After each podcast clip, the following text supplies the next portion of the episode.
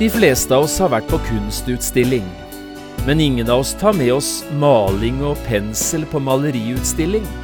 Eller hammer og meisel hvis vi går for å beundre vakre skulpturer. Vi vil aldri komme på tanken å forandre de store mesterverkene. Men det må vi heller aldri tenke på å gjøre med det store frelsesverket. For også det er fullført.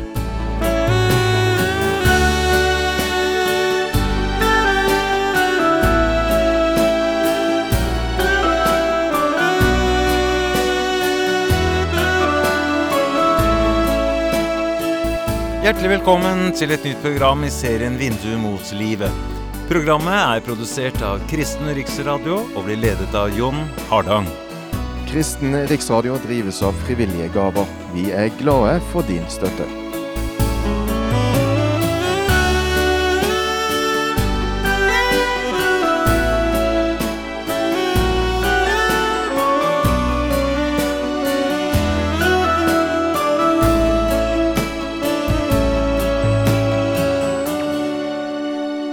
Vi skal også i dag fortsette bibelundervisningsserien Ord fra korset. Og vi skal lese de best kjente ordene som Jesus uttalte da han hang her på korset på Golgata. Tre små ord som vi ofte kaller for evangeliet i evangeliet. Du kan få kjøpt hele denne programserien på CD når du henvender deg til P7. Overskriften for dagens program er Det er fullbrakt, og vi skal lese avsnittet hvor disse ordene er hentet fra, Johannes evangeliet, kapittel 19, og versene 28 til 30.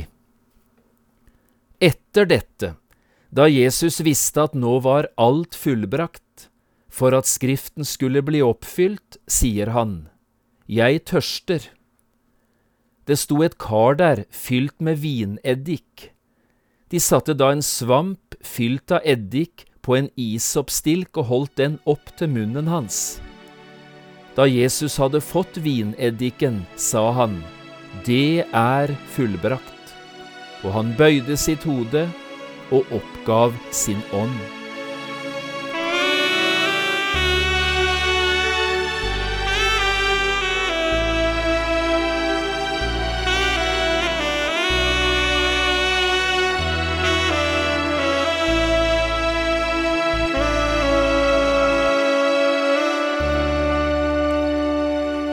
Sannelig, han bar din smerte, så er du jo fri, mitt hjerte.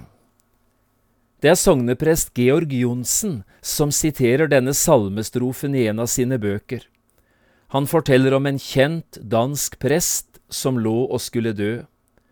Og på dødsleiet sa han det høyt for seg selv, om igjen og om igjen, og han ba også andre så ofte som han kunne det, og sitere strofene for han, Hans Adolf Brorsons herlige ord.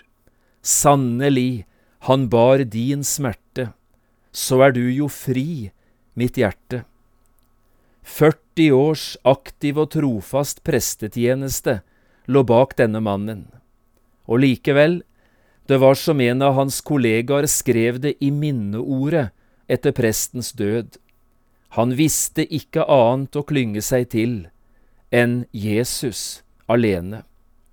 Slik døde han, og han døde med fred, takket være en person som en dag hadde ropt det ut fra det midterste korset. Det er fullbrakt. Sannelig, han bar din smerte, så er du jo fri, mitt hjerte. Vi skal i dag snakke litt mer om det Jesus kan ha tenkt på da han ropte ut disse ordene Det er fullbrakt. Det, hva ligger det egentlig i et slikt ord? Hva var det Jesus fullførte i sin død? I det forrige programmet sa jeg at vi skulle ta fram fire konkrete problemstillinger som Jesus løste da han utførte sin far frelsesvilje. Det første vi understreket og det gjorde vi i det forrige programmet, det var dette. Soningsverket ble fullført. Det betyr at Jesus en gang for alle fant den endelige løsningen på syndeproblemet. Jesus betalte for alle våre synder med sitt eget blod. Den uskyldige ble behandlet som om han var skyldig, for at vi som var skyldige, for evig skulle være fri Guds dom. Dette er altså budskapet om Han som ble din og min stedfortreder. Soningsverket er fullført. Og dette er ikke bare rett teologi. Dette er også en praktisk og utrolig viktig sjelesørgerisk sannhet, som det er viktig å få tak i om du og jeg skal få oppleve frelsesvisshet og frelses glede i livet vårt. For eh, det er det bare ordet om Jesus, stedfortrederen, som kan skape. En mann sa det slik en gang, Døden jeg ikke døde, og livet jeg ikke levde, en annens død og en annens liv har gitt min sjel evig fred. Flott sagt. Dersom du har tenkt deg til himmelen, du som hører dette, ja, så er dette den eneste måten å komme dit på. Du skal stole på det som er gitt deg i en annen person, altså utenom deg selv. En annen forkynner sa det slik en gang. Det livet Jesus levde, kvalifiserte han for den død han døde. Og den død han døde, kvalifiserer oss for det livet han levde. Også det utrolig fint formulert. Men hvordan skal vi nå vite at Gud virkelig er fornøyd med det Jesus gjorde for oss i sin død? Hvordan kan vi være sikre på at Gud har fått alt han trenger? Jo, her er Bibelen krystallklar. Ikke bare på én måte, men på flere måter har Gud fortalt oss at jo, han er fornøyd. For det første, vi vet at Gud er fornøyd simpelthen fordi Jesus selv har sagt det. Og Hans ord er å stole på, Han som kalte seg selv for sannheten. Det er fullbrakt. Det var ordene fra Jesu munn. For det andre, forhenget i tempelet revnet i to da Jesus døde, forteller Bibelen. Det betyr at veien inn til Gud var åpnet. Jesus har gitt oss en ny adgang til Gud som aldri før hadde eksistert. Nå finnes det ikke lenger noen skillevegg mellom oss og Gud. For det tredje, Jesu grav var tom. Gud reiste Jesus opp fra de døde. Dersom Gud ikke hadde vært fornøyd med Jesus, sin sønn, eller om frelsesverket ikke hadde vært skikkelig utført, da hadde Jesus blitt værende i graven. Men nå er altså graven tom. Og det fjerde, da Jesus dro tilbake til himmelen på Kristi himmelfartsdag, da satte han seg ved Faderens høyre hånd, forteller Bibelen. Og at han satte seg, det betyr han var ferdig med alt som skulle gjøres. Nå kunne han hvile etter sin store frelsergjerning. I stedet ble nå Den hellige ånd sendt til verden, slik Jesus hadde varslet det, og han skulle komme for å forklare menneskene hvor fullkomment det var, hvor perfekt det var, det Jesus har gjort. Jo, sannelig, Gud er fornøyd med det soningsverket som Jesus fullførte. La det være nok om første hovedsak. Den andre delen av Guds frelsesvilje som ble fullført av Jesus, handler om dette. Alle de profetiske skriftene, de er blitt oppfylt. Ikke én profeti står nå tilbake som uoppfylt når det gjelder det Jesus kom for å gjøre til vår frelse. Vi leste det her i vers 28 fra begynnelsen av dagens program. Etter dette da Jesus visste at nå var alt fullbrakt, for at Skriften skulle bli oppfylt, sier han, Jeg tørster. Jesus visste at nå var alt fullbrakt. Skriften var oppfylt.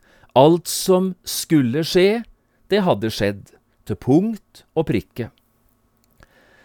Dersom du og jeg hadde vært blant de virkelig skriftlærde, som kjente alle disse gammeltestamentlige skriftene på rams, og profetiene om Messias, ja, så kunne vi ha dukket ned i hvert eneste skrift og i hver eneste profeti og spurt, har Jesus fra Nasaret oppfylt dette ordet?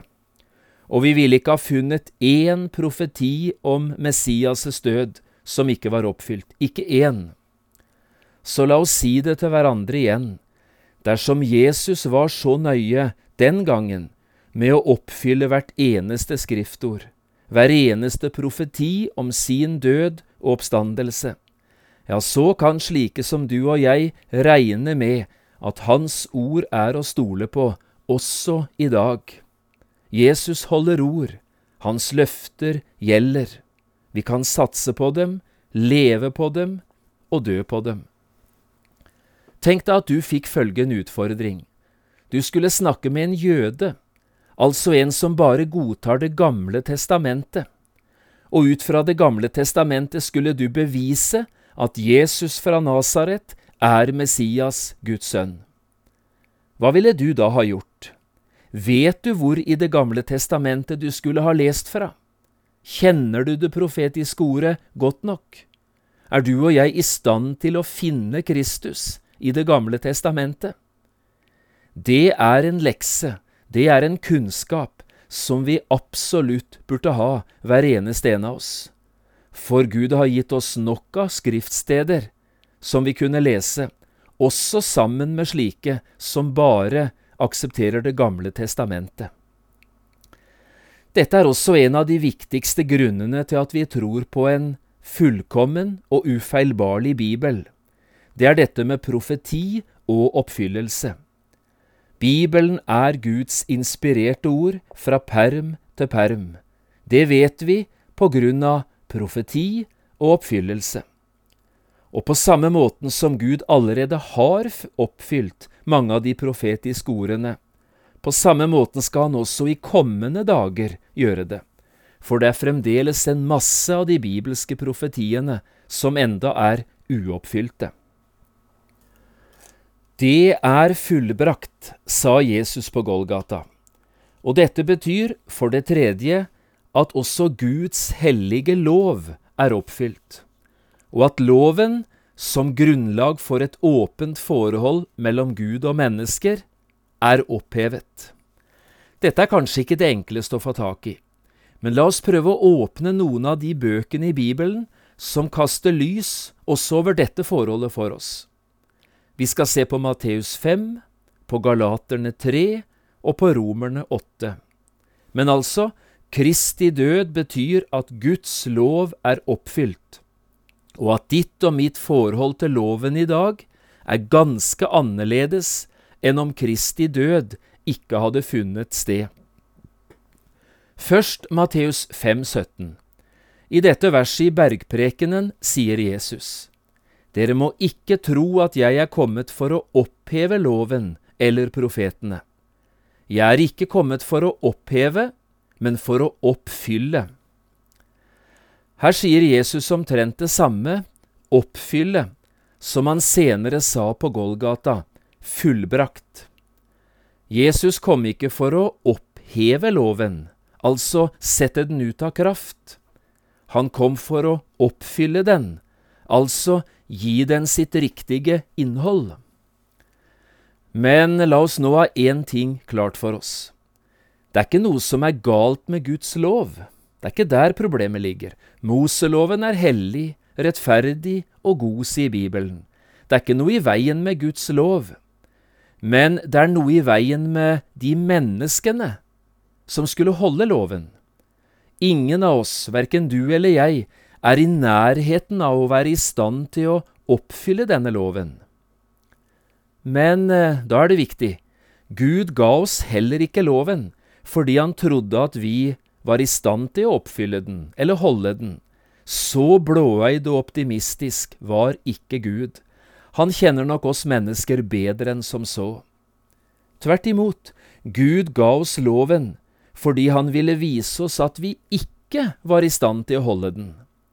Loven skal altså vise oss noe viktig om oss selv, vi skal lære vår syndige natur å kjenne, og at intet menneske er i stand til å bli rettferdig for Gud på grunn av gjerninger. Men så kom altså Jesus. Han oppfylte Guds lov til minste tøddel, og han gjorde det på våre vegne. Loven er oppfylt av Jesus for oss. Så går vi til Galaterbrevet og leser der et avsnitt fra kapittel 3, fra vers 21 til 26. Og nå skal du følge nøye med i det vi leser. Er da loven imot Guds løfter? Langt derifra. For bare hvis det var en lov gitt oss som hadde kraft til å gjøre levende, kom rettferdigheten virkelig av loven. Men Skriften har innesluttet alt under synd, for at det som var lovt ved tro på Jesus Kristus, skulle bli gitt til dem som tror. Men før troen kom, ble vi holdt i varetekt under loven, innestengt inntil den tro som skulle komme, ble åpenbart. Slik er loven blitt vår tuktemester til Kristus, for at vi skulle bli rettferdiggjort av tro. Men nå, når troen er kommet, er vi ikke lenger under tuktemesteren. Alle er dere jo Guds barn ved troen på Kristus Jesus. Også her sies det viktige ting om loven. For det første, loven har ikke kraft til å gi menneskene liv. Det er mye vi får høre om loven også i dag. Mange vil fortelle oss at jo, vi må holde loven og leve etter Guds bud hvis vi skal få være Guds barn. Det høres både rett og riktig ut, men det ordet vi nettopp har lest, sier oss at det bare ikke er mulig. I stedet for å gjøre mennesker til Guds barn, kommer loven til å gjøre oss til slaver under synden. For det andre, å leve under loven, det er som å sitte i fengsel, eller i varetekt, som Paulus skriver om her. Å sitte i varetekt, det er noe midlertidig, det kan gå to veier. Du kan ende som innsatt fange i et fengsel, dømt for en forbrytelse, eller du kan bli satt fri igjen. Det avgjørende her er ikke hva du gjør i forhold til loven, men at forholdet til Jesus blir i orden. Og det tredje, loven kalles i dette avsnittet for en tuktemester. På gresk heter det ordet paidagogos, eller pedagog. En tuktemester var på bibelsk tid navnet på en slave i et romersk rikmannshjem. Han hadde helt bestemte oppgaver. Han hadde ansvaret for å følge barna til og fra skolen. Han skulle sørge for at barna var på plass når undervisningen begynte, og så skulle han følge barna hjem igjen etter undervisningsslutt. En tuktemester var altså ikke en lærer. Han skulle bare legge forholdene til rette, slik at læreren fikk gjort sin jobb. På samme måte er loven en Guds pedagog.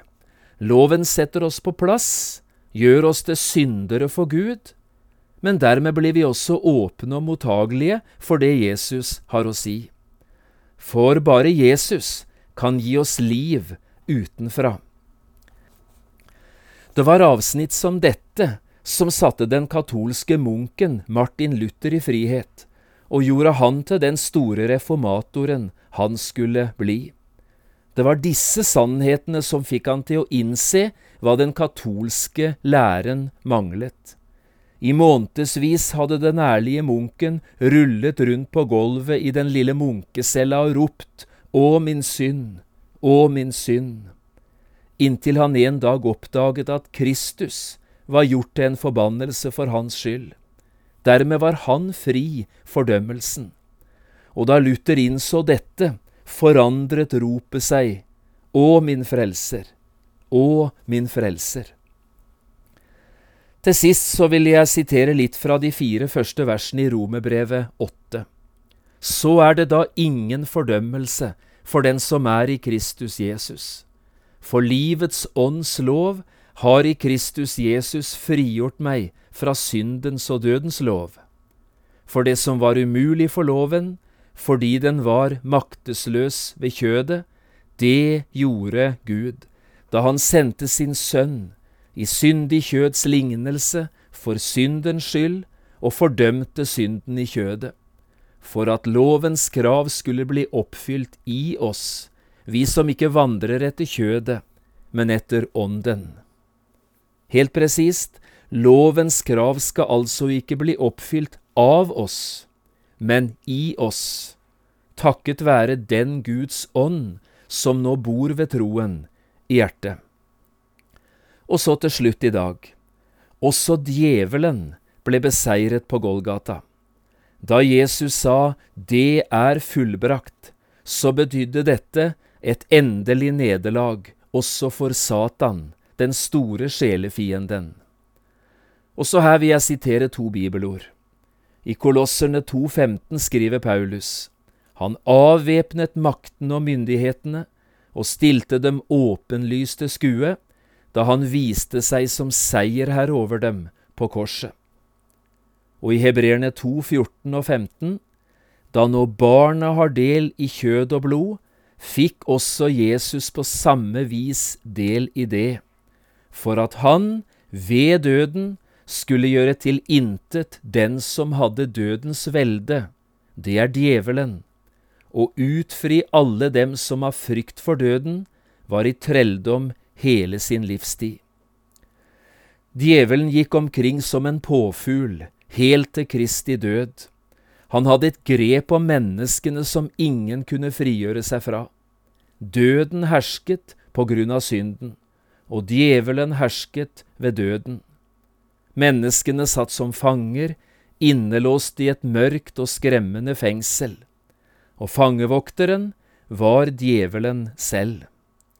Men så kom Jesus. Da han sonte synden, ble dødens makt brutt. Fengselets dører åpnet seg, og veien ut i friheten lå klar.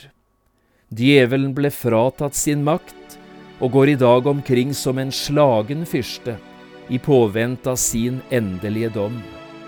Han er ikke ufarlig, men han kan ikke skade eller ødelegge den som hører Jesus til. For en vidunderlig frukt av Jesu død på Golgata og av ordene 'Det er fullbrakt'. Djevelen er beseiret, vi er trygge hos Gud, både for tid og for evighet. Sannelig, han bar din smerte, så er du jo fri, mitt hjerte.